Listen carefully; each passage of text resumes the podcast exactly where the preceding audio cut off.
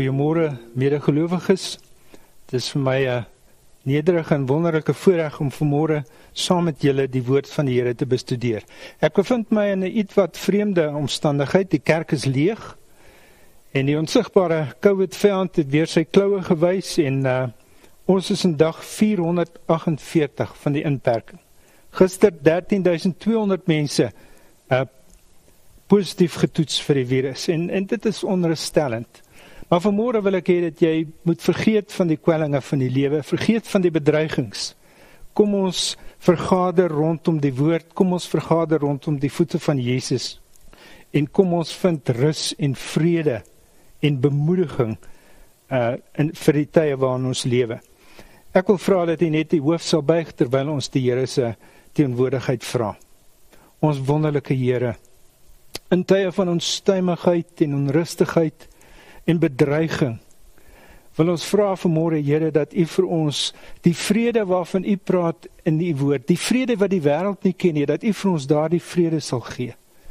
Dat ons om die woord sal vergader en dat ons versterk en bemoedig sal word. Dankie vir die voorreg wat ons in is om nou U woord oop te maak. Word verheerlik deur U woord, Here. En mag dit wees dat daardie selfde Gees vir die woord geïnspireer het daardie gees dat hy die woord sal vertolk aan die behoeftes van elkeen van ons harte vanmôre. Ons bid dit in Jesus naam. Amen. Ons skriftuur gedeelte vanmôre kom uit een enkele vers, maar hierdie vers sê geweldig baie. Dis veelzeggend. Dit kom uit Matteus 28 vers 18. Ek lees dit vir u voor uit die 83 vertaling van die Bybel. Jesus kom toe nader en sê vir hulle: aan my is alle mag gegee in die hemel en op die aarde. Nou die tema van ons oordeenking vanmôre kom eintlik uit die boek van Markus. So terwyl jy jou Bybel oopblaai na Markus 4 toe en ons gaan kyk na vers 35 tot vers 41, terwyl jy dit opsoek in jou Bybel, wil ek die volgende gedeelte uit die woord net as voorwoord lees.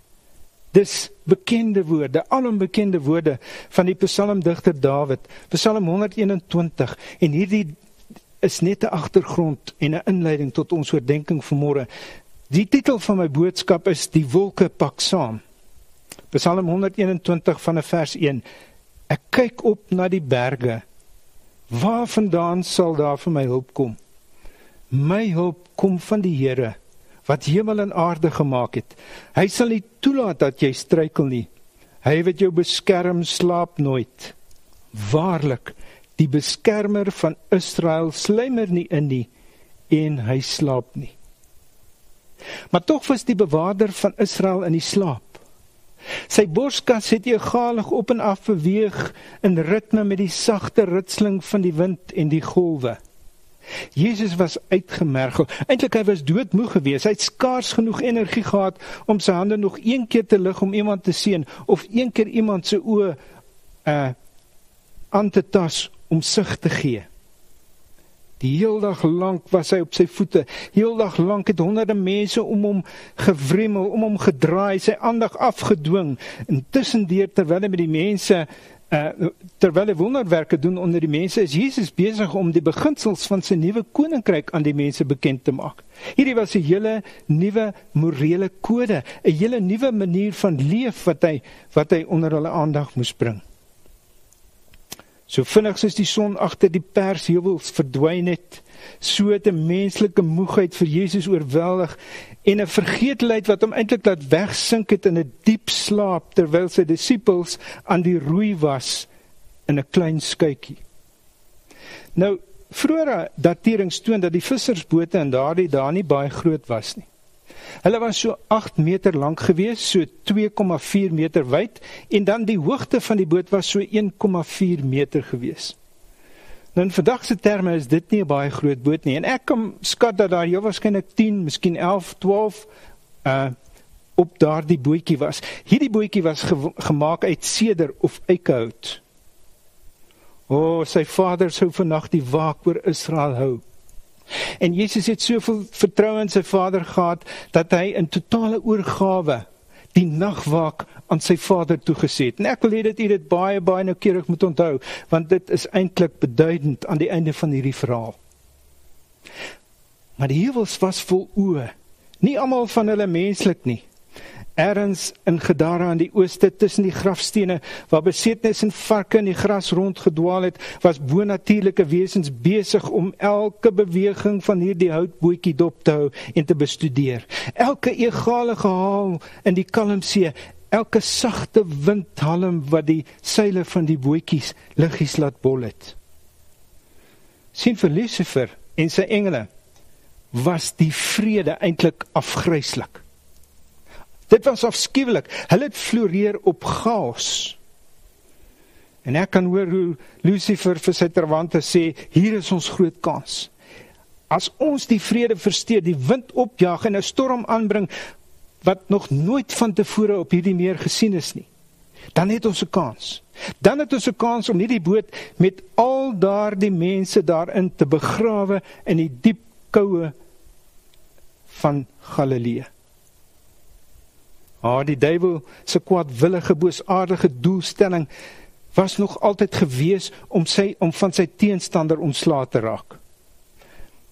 Hy wou dit doen voordat Jesus die mensdom kon red. Sy aanslag het eintlik baie vroeg teen Jesus begin.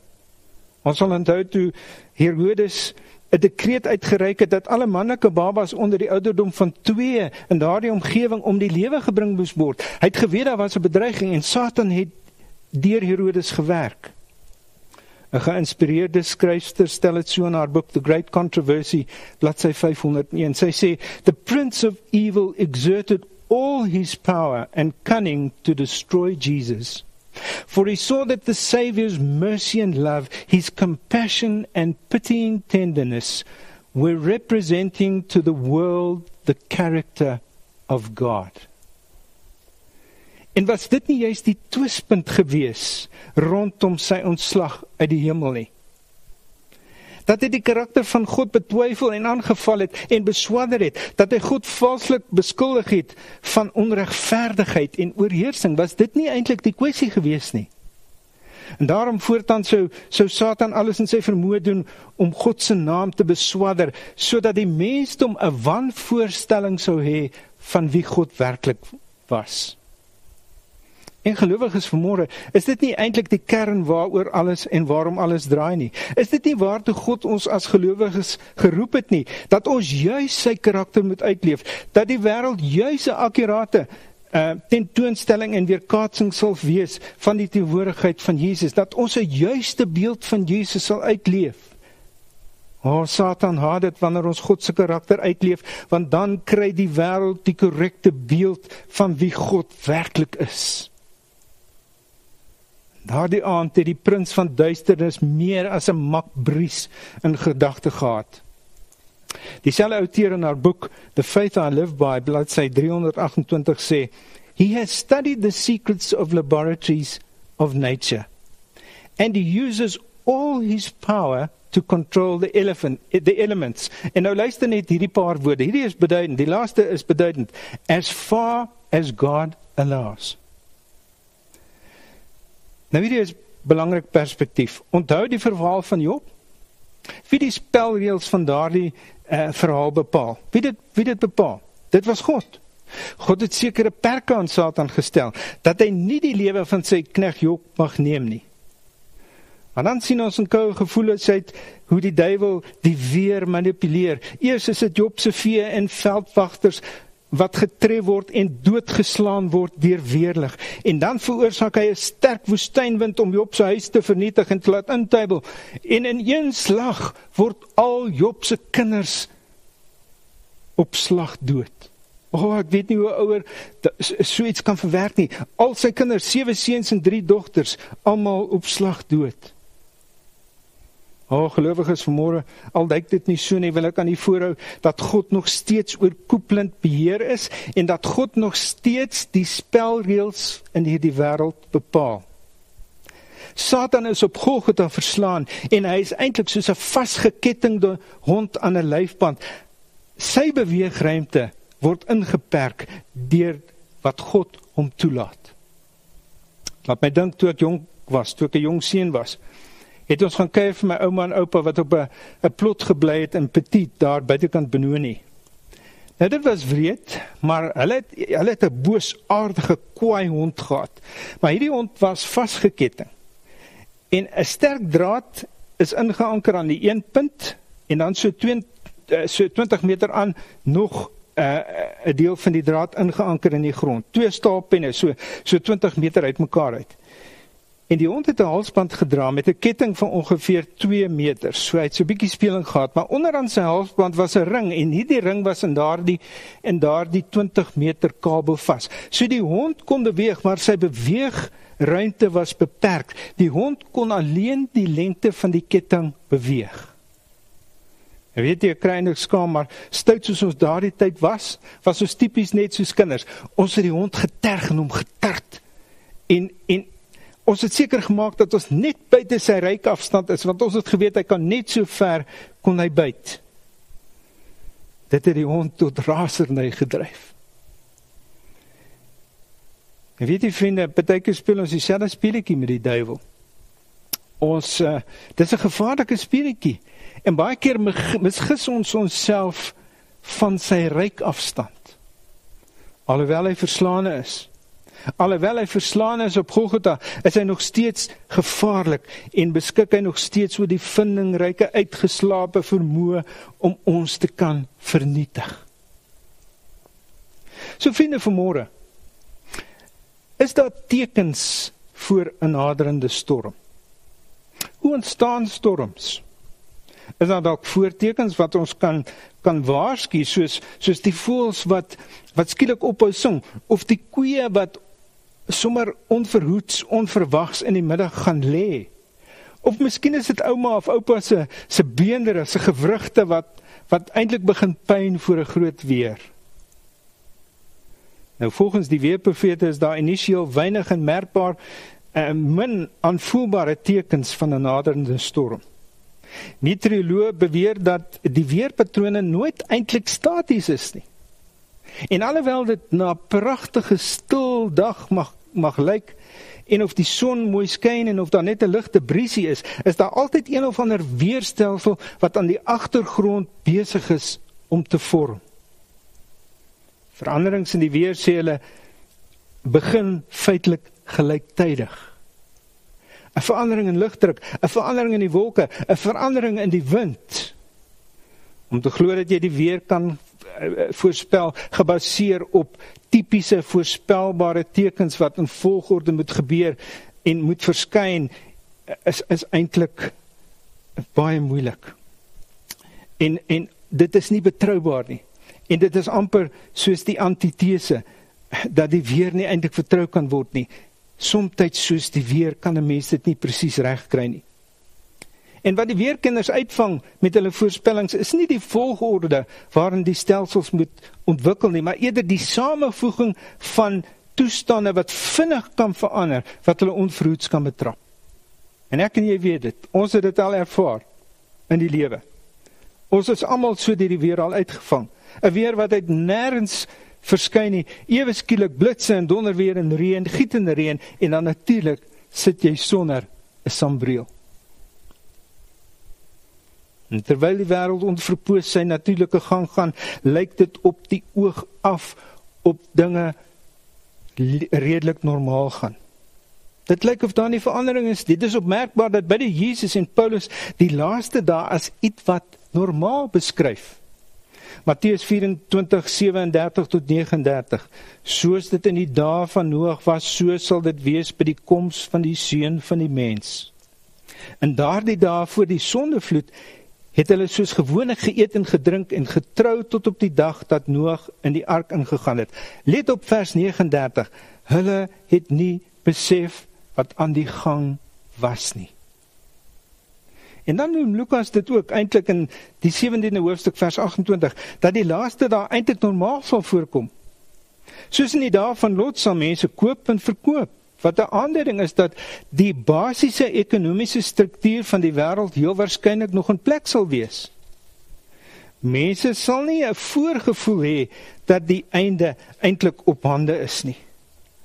Hulle sal hulle sal nie idee hê dat dat tyd by feitelik verspeel is nie.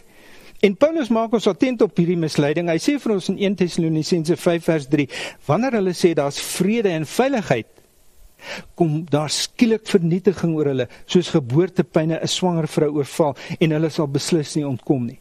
En weet jy vriende, ons het dit net onlangs ervaar in ons familie toe ons skoondogter Ek dink die babatjie is 4 of 5, 6 weke te vroeg gebore. Haar water het ewe skielik 2 uur in die oggend gebreek en die babatjie het gekom, soos 'n swanger vrou, skielik oorval deur geboortepyne.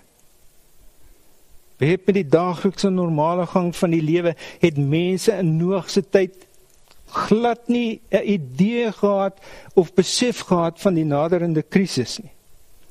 Hulle het dit verwerp as ongegrond en hoogs onwaarskynlik beskryf. Nog nooit 'n storm beleef nie, het hulle gesê. Wat van reën? Wat so goed is dit? Ons weet nie wat dit is nie. Behalwe vir Noag en sy onmiddellike familie het die genade deur vir die wêreld in daardie tyd gesluit op 'n skynbare normale dag, 'n normale sonsondergang met dieselfde normale asemrowende kleure terwyl die son gesak het. Als het normaal voortgekom totdat 'n ongesiene hand verskyn het en daardie ark se deur toegemaak het. Patriarge en Profete bladsy 93 Die seël van die hemel was aan die deur. God het dit gesluit en net God kon dit oopmaak. Nou, kom ons kyk bietjie daarna. Normaal vir 120 jaar. Dis so lank, dis so lank Noag preek het. Dis so lank hy gewaarsku het van 'n naderende storm, van 'n vloed. Kom ons werk dit uit. 120 maal 365 dae. Dit gee vir ons 43800 dae. Waar alles normaal was. En dan sluit God die ark se deur. En dan gebeur daar niks vir 7 dae nie. So vir 43807 dae het niks gebeur nie. En in daardie tydperk in die ark was dit vir Noag en sy familie 'n tyd wat hulle geloof op die proef gestel het. En dan sê Patriarge en Profete bladsy 94 die volgende: Vir die wêreld daar buite was dit 'n tyd van triomf. Die skynbare vertraging het hulle oortuig dat Noag se boodskap 'n misleiding was en dat daar nooit 'n sonvloed sou wees nie ondanks die plegtige tonele wat hulle aanskou het die voëls en die diere se toetrede tot die ark en die sluiting van die ingang deur die engel van God het hulle hulle pret en feeslikheid voortgesit. Hulle het selfs die draak gesteek met die sonderlinge openbaring van goddelike krag. Groot skare het rondom die ark saamgedrom en die opvarendes bespot deur gruwels te waag waaraan hulle nog nooit tevore gedink het nie uittartend, uitdagend, amper waar die mens vir God tong uitsteek en hom uittart. O gelowiges vanmôre, ek wil vir die een ding sê, as daar een ding is wat God nie duld nie, dan is dit die mens se arrogansie. Die Here weet beslis wat die motief is agter die mens se gedrag. Koning Belsasar se verhaal in Daniël 5 is 'n sprekende voorbeeld. Nadat Belsasar spottend gewys het die gruwel gewaag het om Jaweh te bespot deur wyn te drink uit die tempelbekers, is hy daardie selfde nag geweeg te lig gevind en om die lewe gebring. Daardie selfde nag het die oordeele van God op hom gekom. En op dag 43808 het God die sluise van die hemel en die fonteine onder die aarde oopgemaak en die arrogante godslasterende antidiluviane het verdrink. Dit het plaasgevind. Sien gelowiges vanmôre, daar's niks teen my fout om daagliks die rustigheid van 'n pragtige sonsondergang te geniet nie. Dis goed en wel.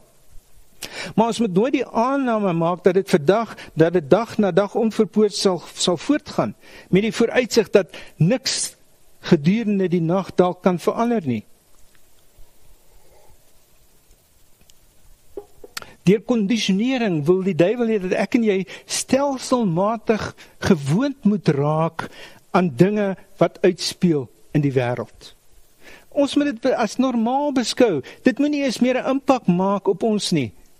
Ons ons word gekondisioneer dit te aanvaar dat moord en roof en rampe en sosiale onluste en morele verval alledaags is dat dit die normaal is. Dit kom normaal voor. Maar wag 'n bietjie. Wag 'n bietjie. Is die weer nie dalk besig om te verander nie? Is die lugdruk nie dalk besig om te verander nie? Is die ligte roering van die wind nie besig om te verander in 'n bries nie? Is die wolke nie besig om saam te pak nie? Ha, vriende, dis vir my in die afgelope rukkie asof die intensiteit wat dit alreeds op die radar mee verskyn eintlik meer intens raak en in tempo vinniger begin toeneem. Praat nou die dag met my seun in Sydney. Die afgelope jare het Australië buitengewone temperature van meer as 40 grade Celsius gehad in die somer. In dieselfde jaar die ergste vure in mense jeugenis en in dieselfde jaar die ergste vloede in 'n 100 jaar. Hy vertel my en sy vriende het gaan golf speel op 'n baan wat buitekant hulle provinsie is en toe hulle wou terugkeer, was daar soveel water dat hulle eintlik 1000 km op pad moes ry om terug te kom na hulle huis toe als binne die bestek van 'n jaar. En dan wil ek verder eintlik noem dat as ons kyk na Amerika, dan sien 'n mens massa skietvoorvalle en ras konflik wat skerp toeneem. Dis dis ongehoord asof die tempo en in, intensiteit daarvan net groter en vinniger word. Dit lyk amper asof die Amerikaanse samelewing buite beheer is en besig is om te ontrafel. Daarom sê Timoteus vir ons in 2 Timoteus 3 vers 1 tot 5 Hy beskryf die normaal waaraan ons gewoond geraak het in hierdie wêreldse radarskerm en en vanmôre moet ek en jy dit evalueer en ons moet dit sien vir wat dit is. Ons moet dan lees en ons moet attent word daarop dat dit nie net normaal is nie, maar dat dit in tempo meer toeneem. Ek lees vir die voet. Kyk net bietjie of dit nie drasties toeneem nie. Dis feitelik elke dag in die nuus. Die mense sal, sal selfsugtig wees, geldgierig. O, oh, vriende, mens mens lees in die koerant byna by elke nuusberig is daar 'n nuwe uh diefstal of plundering wat plaasvind. Grootpraterig en verwaand, beledigend teenoor hulle medemens. En hier is dit ongehoorsaam aan hulle ouers, kinders, ondankbaar en ongodsdienstig. Hulle sal liefdeloos en onversoenlik wees, kwaadpraters, bandeloos en wreed, sonder liefde vir die goeie. Hulle sal verraaiers wees, roekeloos en hooghartig. Hulle sal eerder liefde vir genot hê as liefde vir God. Dit is wat op die radarskerm van die wêreld plaasvind. En ons sien dit en ons hoor dit elke dag en ons word gekondisioneer. Maar wat van die kerk kerk se radarskerm vers 5? Hulle sal nog die uiterlike skyn van godsdiens hê, maar die krag van die godsdiens sal hulle nie ken nie. Openbaring 3 beskryf die toestand van die Laodiseense kerk. Mense wat mooi vertoon soos vensterpoppe, pragtig aangetrek, maar wat nie 'n dinamiese lewensveranderende verhouding met Jesus het nie. Mense wie nie leef na dit waar aan hulle geroep is nie vinnig veranderende toestande op politieke, ekonomiese en omgewingsgebiede. Ja, selfs binne die kerk wat aandui dat die wêreld afstuur op alles behalwe normaal. Die toenemende wanorde in die wêreld wat hoort vir ons eintlik 'n teken te wees. Selfs soos die toetrede van die diere en die voëls en die voëls vir die antediluviane 'n teken moes gewees het dat iets groots gaan gebeur so moet dit ook vir ons 'n teken wees dat iets groots aan die kom is. Iets groots moet binnekort gebeur. En daarom sê Paulus vir ons en hy gee raad in 1 Tessalonisense 5 vers 4 en 5, maar julle broers Julle is nie in die duisternis nie sodat die dag julle nie soos 'n dief sal oorval nie. Julle is immers kinders van die lig. Wat sou jy doen as jy die duiwel was? Sou jy die weerpatroon so maklik leesbaar maak dat mense ten alle tye voorberei sou wees vir uitermate geweer? Sou jy dit doen? Sou jy hulle sou jy hulle waarsku? Nie 'n kans nie. Nie 'n kans nie. Die duiwel verlustig om daarin om mense onverhoeds, onvoorbereid te betrap sodat hy hulle eintlik kan wegvee in ewige verderf en sodat hulle verlore kan wees. Hier's baie interessante insig uit die pen van inspirasie. Testimonies for the Church volume 9 bladsy 11. The agencies of evil are combining their forces and consolidating. They are strengthening for the last great crisis. Great changes are soon to take place in our world, and the final movements will be rapid ones. En dan kom hierdie verder insig en hierdie aanhaling uh, verskyn in meer as een boek. Dit boek dit verskyn in die groot stryd, maar ek lees hierdie aanhaling soos dit gekwoteer is in die boekie The Faith I Live By, bladsy 328. Hierdie is baie interessant. Satan works through the elements to garner his harvest of unprepared souls. In accidents and calamities by sea and by land, in great conflagrations, dit is verwoestende brande, in fierce tornadoes and terrific hailstorms, in tempests, floods, cyclones, tidal waves, and earthquakes, in every place and in a thousand forms, Satan is exercising his power. He sweeps away the ripening harvest, and famine and distress follow. He imparts to the air a deadly taint, and thousands perish by the pestilence. These visitations are to become more and more frequent and disastrous. Nou ek wil net uh, laat my net toe om hierdie te kwalifiseer. Vir al die laaste enetjie. Um he imparts to the air deadly taint and thousands perish by the pestilence. Ek het net gaan kyk na die afgelope 100 jaar, na die geskiedenis van die wêreld en die geskiedenis van respiratoriese virusse wat pandemies geword het. Nou 'n pandemie vind plaas wanneer hierdie hierdie kiem meer lande en amper wêreldwyd um geaffekteer word deur daardie betrokke pandemie. So hier is hulle. Die eerste een, die Spaanse griep in 1918. 50 miljoen mense is oorlede. 1957 tot 58, die Asian flu. 'n Miljoen mense dood. Nommer 3, 1968 tot 69, die Hong Kong flu of die Asian flu of die H3N2 virus. Nog 'n miljoen mense is dood. 2002, 2003, die SARS virus. Nommer 5 2009 2010 die H1N1 of die varkgriep virus. Nommer 6 2012 die MERS virus. Nommer 7 2019 die COVID virus en so ver en dit klim elke dag het 3.83 miljoen mense wêreldwyd tot sterwe gekom. En dan praat ons nie van die Zika virus, die Ebola virus of die HIV virus wat nie ligdraand is nie. These visitations are to become more and more frequent and disastrous. Mediese en moderne wetenskap spog spog breë bors dat hulle eintlik in beheer is. Ons het binne die eerste jaar in die wêreld het ons vir hierdie wêreldbedreigende virus 'n 'n instof gevind. Ons het 'n oplossing gevind. Ah, vriende, die realiteit vertel 'n ander storie. Na elke nuwe enstof sy verskyning maak muteer die virus en verander die virus en dan moet daardie enstof weer aangepas word en 'n nuwe enstof moet gemaak word om die nuwe variant te behandel. Ons sien nou selfs hier in Suid-Afrika die Delta variant van die virus. Die COVID virus aanslag word met tyd nog eintlik meer vel in die wêreld. Dit het 'n geweldige impak op die wêreld. Hoor is opmerkbaar, die weer is besig om te verander. Die wolke is eintlik besig om saam te pak. Skep, skep vinniger. Kan ek hoor hoe die disippels in wanhoop vir mekaar skree? Ons wat water, dis te laat, ons gaan dit nie maak nie. Ons gaan af, ons gaan onder toe, ons gaan sink. Galilea was eintlik 'n baie bekende meer vir visvang. En hierdie manne was gesoute vissermanne.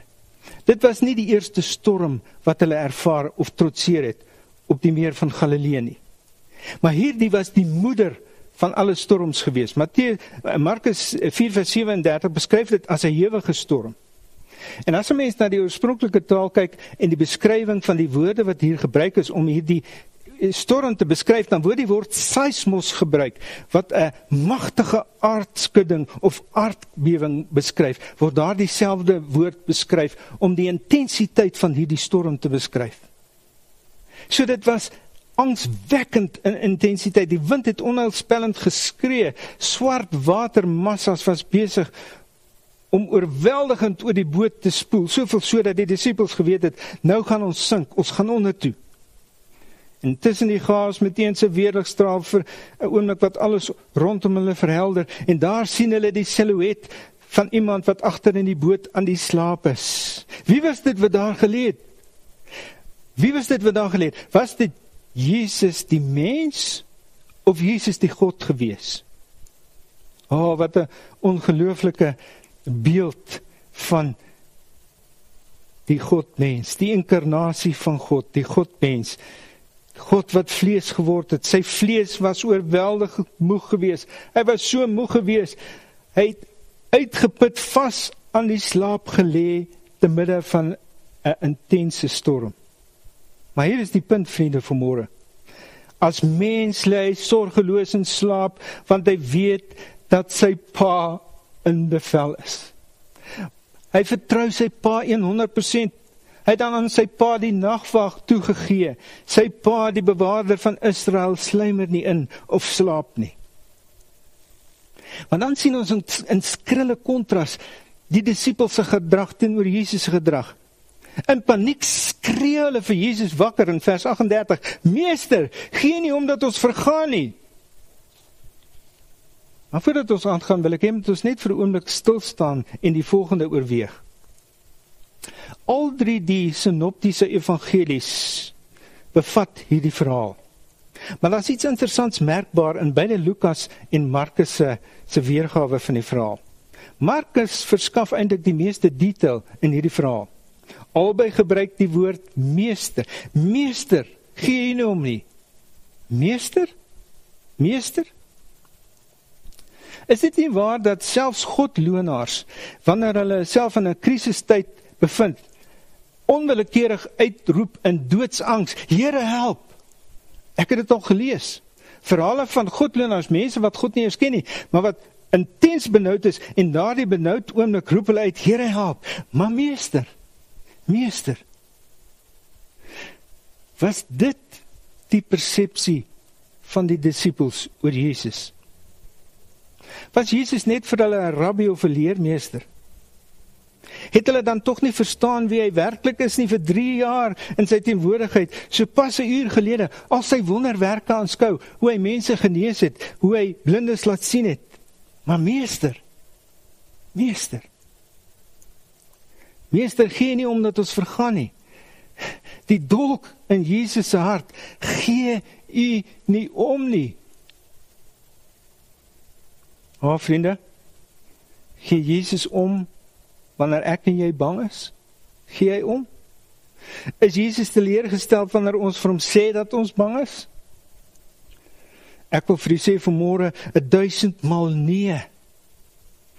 Jesaja gee vir ons 'n insig in die wonderlike God wat ons dien. Jesaja 59 vers 1: Die arm van die Here is nie te kort om te help nie en sy oor is nie te doof om te hoor nie.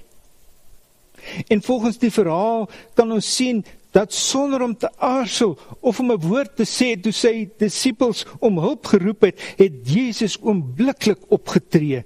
Hy verwydelik dadelik die bedreiging vers 39. Toe staan hy op, bestraf die wind en sê vir die see: "Wees stil. Bedaar."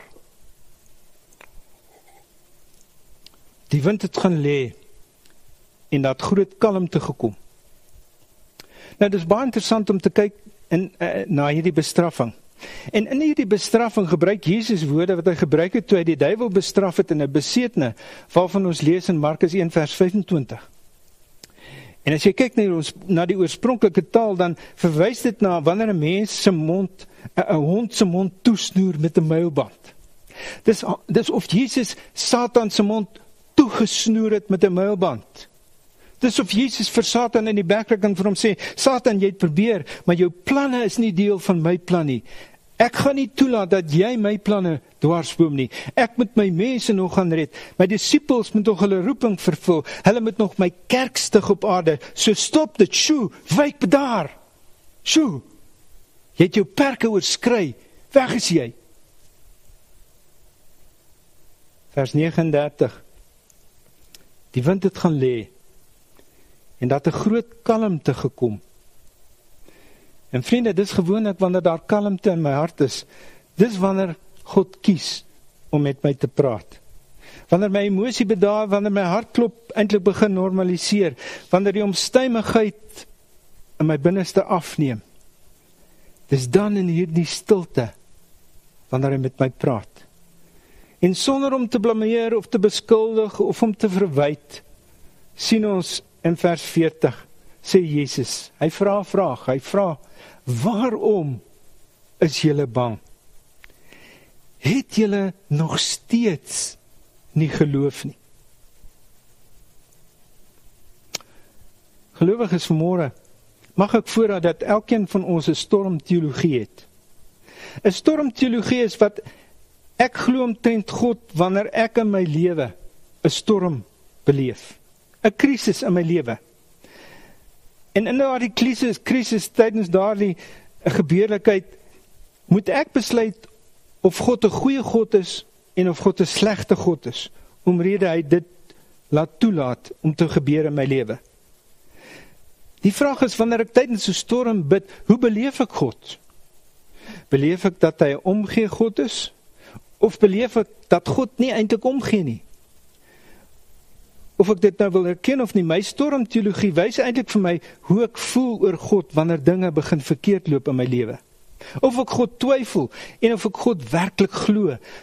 Ja, 'n storm dui aan op my hart of my hart totaal vertrou en of ek twyfel in my hart het.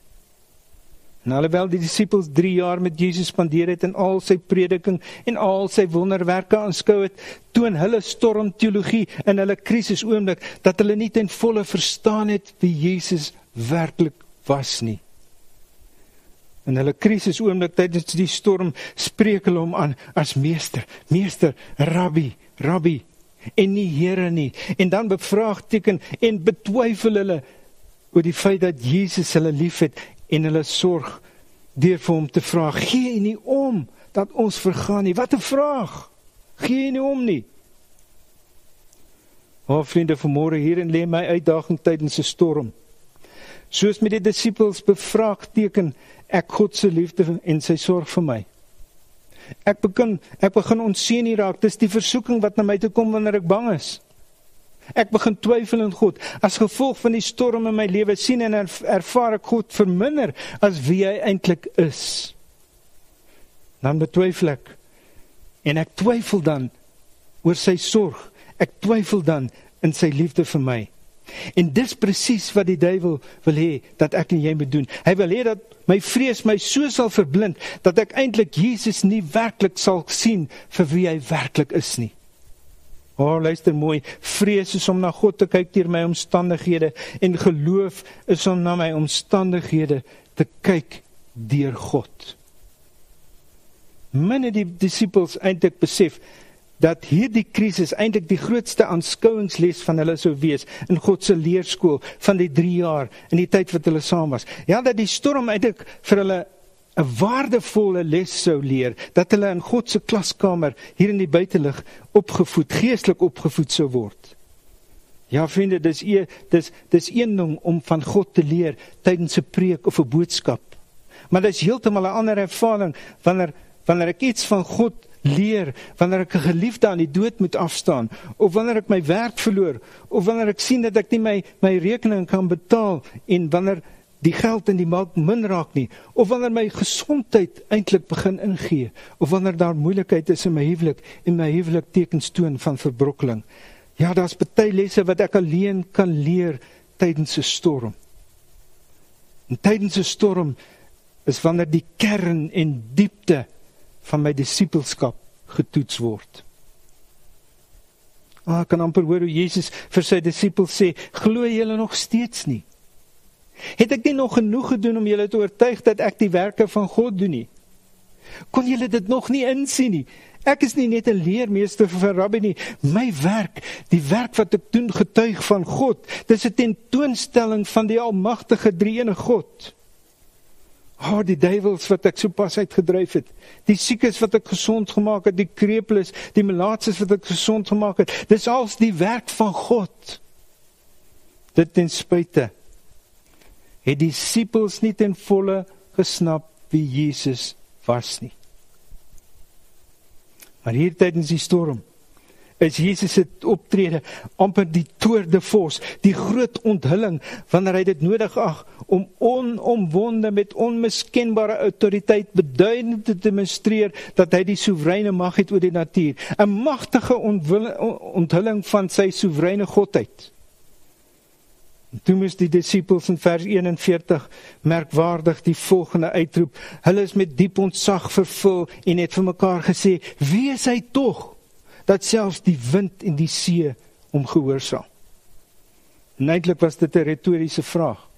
Hulle het die antwoord geken. Hulle vrees word vervang met 'n diep ontzag, 'n diep ontzag en 'n besef kom in die in die disippels dat hulle werklik in die teenwoordigheid is van die magtige seun van God.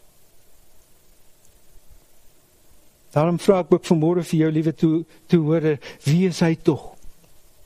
Wie is hy tog vir jou? Sukkel jy baie keer wanneer dit vir jou lyk of daar nie bystand kom tydens die storms in jou lewe nie? Voel dit dalk ook vir jou of Jesus eintlik aan die slaap is wanneer jy eintlik dringend passievol of vertoe aan hom rig? Sou jy dan so voel vanmôre dan praat Jesus ook met jou soos hy met twyfelende Thomas gepraat het.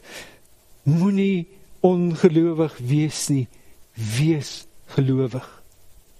En as dit vir jou moeilik is om te glo, kom kyk selfs, kom kyk self na my spyker deur boorde hande. Kom kyk self na die spieswonde in my sy. As jy nog twyfel, kom na Golgotha. Kom kyk hoeveel ek jou liefhet. Dit was vir jou, dit was vir jou vir wie ek gesterf het. O, mag ons so twyfelende Thomas ook met belydenis en erkenning 'n godsgewaarwording ervaar en met groot ontzag uitroep soos hy uitgeroep het my Here en my God O kind van God vermoere laat my toe om jou te bemoedig. Op wie se bevel was dit om in die skei te klim en te vaar na die oorkantste oewer? Vers 35 stel dit baie duidelik. Dit was op Jesus se instruksie. Jesus het die bevel gegee dat hulle moes vaar na die oorkantste oewer. En dit is baie beduidend dat tydens hierdie hele vaart was Jesus heeltyd saam met hulle in die boot totdat hulle die oorkantste oewer bereik het. Interessant om te sien in die tyd van die vroeë kerk het kunswerk dikwels die kerk uitgebeeld as 'n boot wat gedryf word op 'n onstuimige, gevaarlike, stormagtige see. Ek weet nie of jy al die kunswerke gesien het nie, hoe die kerk in daardie tyd uitgebeeld is. Vanuit die staanspoor het Jesus homself ontferm oor sy kerk. Die God het dit deur 'n spesiale toebedeling van die Heilige Gees verseker dat God kragtadig en alomteenwoordig was toe sy vroeë kerk gestig was. En deur die eeue hier in tydens Satan se aanvalle om hierdie kerk te vernietig, het God sy kerk stap vir stap gelei en hulle beskerm. En verder word daar ook simbolies na die kerk verwys as 'n vrou en God is die man en God is jaloers en God ontferm hom oor die vrou. En dan in Openbaring 19 vers 7 tot 9 lees ek van die kerk van God dat hierdie kerk sy bruid is en dat daar 'n bruilofsfees van die lam gaan wees. O, oh, vriende, God het 'n afspraak met sy bruid, die kerk. Dit moet nagekom en dit sal nagekom word. Die kerk sal nie tot niet gaan nie. Die kerk sal seëvier en oorwinnend wees. Maar vriende, dis belangrik om in die boot te bly. Dis nie die boot wat jou gaan red nie. Dis hy wat in die boot is wat jou gaan red. En wanneer daar gevaar en bedreigings en storms is, dan is die veiligste plek om naby Jesus te wees. Op die kruishout van Golgotha het Jesus ons verlos eintlik van ons velste storm. Die storm van God se oordeel. Christus het die storm van God se toorn ervaar en trotseer en daarin lê die versekering dat ons hemelse oewer bereik sal word, dat ons die oewer sal bereik. Hy het dit namens ons gedoen. Ons vertroue is in hom. Meer as 100 jaar gelede het 'n geïnspireerde skryfster in 'n toekomsblik in ons tyd geskryf 'n tyd van ons dag en in ons nag. Sy skryf in haar boek Reflecting Christ bladsy 311 die volgende woorde. A storm is coming relentless in its fury. Are we prepared to meet it? We need not say the perils of the last day are soon to come upon us. Already they have come Gelowiges vanmôre as ek en jy omkyk dan sien ons dat die weer beslis besig is om te verander. Die onweerswolke is besig om saam te pak. Daar's iets aan die broei. Daar's 'n storm wat voorlê wat ons nie sal kon ontwyk nie, soos in die geval van Jesus en die disippels. Mag die skielikheid daarvan ons dalk verras. En die aardsvyand weet dit sy laaste kans, 'n laaste kans om 'n mega storm van sapel te stuur om die boot met God se disippels en almal daarin te laat vergaan. Dis sy plan. Maar ons kan met onwrikbare sekerheid weet dat Jesus ons nooit ooit alleen sal los nie. Ons sal nie oorgelewer word aan die golwe nie. Ons sal nie oorgelewer word aan die rukwinde nie. Ons sal nie vergaan nie. Jesus sê in Matteus 28 vers 18: "Aan my is gegee alle mag in die hemel en op die aarde." Hy sal sy belofte aan jou en aan my en aan hierdie oorblyfsel kerk nakom. Laaste events bladsy 19. The world is not without a ruler. The program of coming events is in the hands of the Lord. The majesty of heaven has the destiny of nations as well as the concerns of his church in his own charge. Hoor die vriend, vriende die een wat agter in die boek van die boot staan. Die een wat daar die roer in sy hand hou. Hou ook sy hand oor die chaos. Hy hou ook sy hand oor die angstigheid wat dalk in ons harte mag ontstaan. Kolossense 1:17 En hy is voor alle dinge en in hom hou alle dinge stand. Ons God is in beheer. Ons hoef nie te bekommer nie. En daarom groet ek vanmôre dan met die seënbede. En dit is my bede dat u die vredeswens van die apostel Paulus sal aanhoor. 2 Tessalonisense 3 vers 16. Mag die Here van vrede self te alle tye en op elke manier vir julle vrede gee. Die Here bly met julle almal. Amen. Kom ons bid saam. O Here, Wanneer ons om ons kyk, dan sien ons dat dinge besig is om te verander. Daar's 'n onrustigheid in die samelewing. Dit wat wat ons op die radar sien en wat so dikwels gebeur, gebeur al hoe meer met vinniger intensiteit. Ons kan merk dat die aarde en alles daarin eintlik nie meer in beheer is nie. Dit lyk of die wêreld uitmekaar uitspat. Here, dit laat ons dit laat ons vrees. Ons is bang. En ons twyfel, vergeef ons Here, waar ons U nie gesien het vir wie U werklik is nie. Maar Here, te midde van moontlike bedreigings, wil ons ons skaar om naby U te wees. Want wanneer ons naby U is, dan weet ons, sal ons die storm trotseer en sal U ons beskerm. Dankie vir die wonderlike versekering van U woord. Mag dit wees dat die vrede, die rustigheid en die kalmte wat Jesus gee deel sal wees van ons lewens. Mag dit wees Here dat daardie bruilofsmaaltyd spoedig sal aanbreek. Dat die kinders sal kom haal sodat ons in feeslikheid en vreugde met U kan seëvier. Dankie dat U beloof het om ons te beskerm, dat U met ons sal wees sodat ons die oorkantste oewer bereik. Ons dankie daarvoor in die wonderlike naam van Jesus. Amen.